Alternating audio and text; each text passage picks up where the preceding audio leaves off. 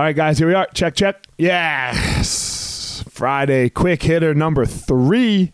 So, what are we talking about today, guys? We, uh, I am starting uh, to I'm going to release uh, how to start your day so you can crush a PDF, a downloadable PDF, so that everyone can see how it is that uh, very successful people, a lot of very successful people, Tim Ferriss, Joe Rogan, Jocko, a, a lot of people go about starting their day so that they can crush, and they go about it in a very specific way, a routined way. Last week, I talked about gratitude. I have gratitude time every day. Every day after my meditation, I have gratitude time. And I just say thank you. I just say thank you. I thank, I don't care who I'm thanking. I don't care what I'm thanking. We went over this last week.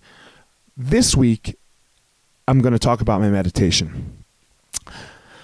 Meditation, I feel, helped save my life. I, uh, I was stuck. I was stuck in a really bad place. And I, and I knew what I needed was I needed to get control of my thoughts. I, my, my, my mind would, would race here and it would race there. I wasn't going to sleep. This was going to happen and that was going to happen. And I just could not get a grasp. I had no control of my thoughts. So for me, I, I'd always been kind of drawn toward meditation personally, like the spiritual side of it. I would say that I'm a spiritual person. I, I have talked that I'm not a religious person. The religion never organized religion never hooked me. I couldn't I couldn't grasp it. But meditation and this uh, the idea of Buddhism, not not the religion of Buddhism, but the practice of Buddhism, which is hugely meditative, re- really really grasped a hold of me.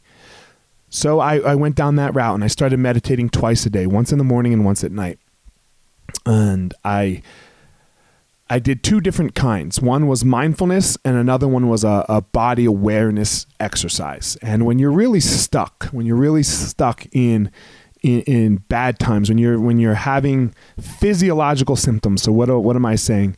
Physiological symptoms to anxiety is your heart is racing, your arms get tingly, you get real lightheaded, things like that. I believe that you need to also you need to be doing some body type awareness type of meditation. There's a ton out there.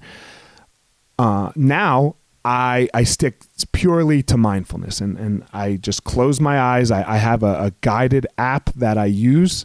I love waking up with Sam Harris, and he he guides you through every day. It's a, it's a different it's a different guy. It's a different meditation every day and I love it. There's a ton out there, Headspace, Calm, a bunch that you can use, whoever whoever it is that you find that you attach yourself most to.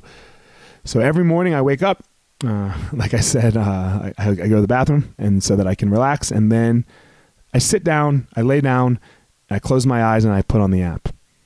And everyone, the the problem that most people have with meditation is they think that their thoughts stop. And when you meditate, everyone, your thoughts don't stop. Your thoughts come, and the goal is just to realize them. Just to realize that your thoughts come and then your thoughts go. When you when you notice that you're in a thought, you try to bring yourself back to the breath or back to the sensation of sitting or or back to sounds some, something that you're that you hear and you'll notice that all of these things you have no control of them. They just come and they go. Consciousness. They just come into your consciousness and then they leave your consciousness. And you're not sure when they come or when they go. And that's the goal. And for me, it's just 10 minutes every day to be with me. I know I'm I'm successful right away. Uh, there's nothing to be unsuccessful at. The, at the act of doing it alone for me is success. So right away, I start my day with success. I start my day with peace of mind. I start my day with calmness. I start my day with me because I'm the only one I have and I'm the only one that I know that I have any control over. So when I when when I get away from that and look, I'm not perfect. So I obviously miss. I, I miss sometimes. Think think you blow it. I'm human. And I can tell the difference. I can tell the difference in the days that I don't meditate and then I do meditate. It never, um, especially in the beginning, it, it never made anything better. like when I was in, racked with anxiety, I didn't all of a sudden jump out of it.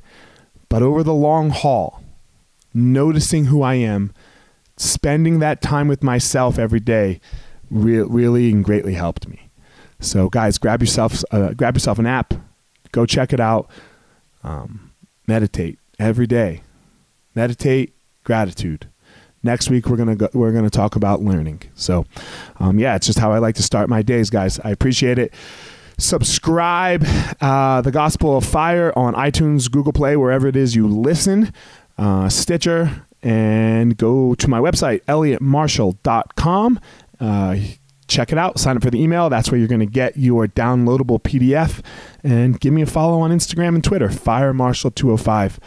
Uh, find your power, guys.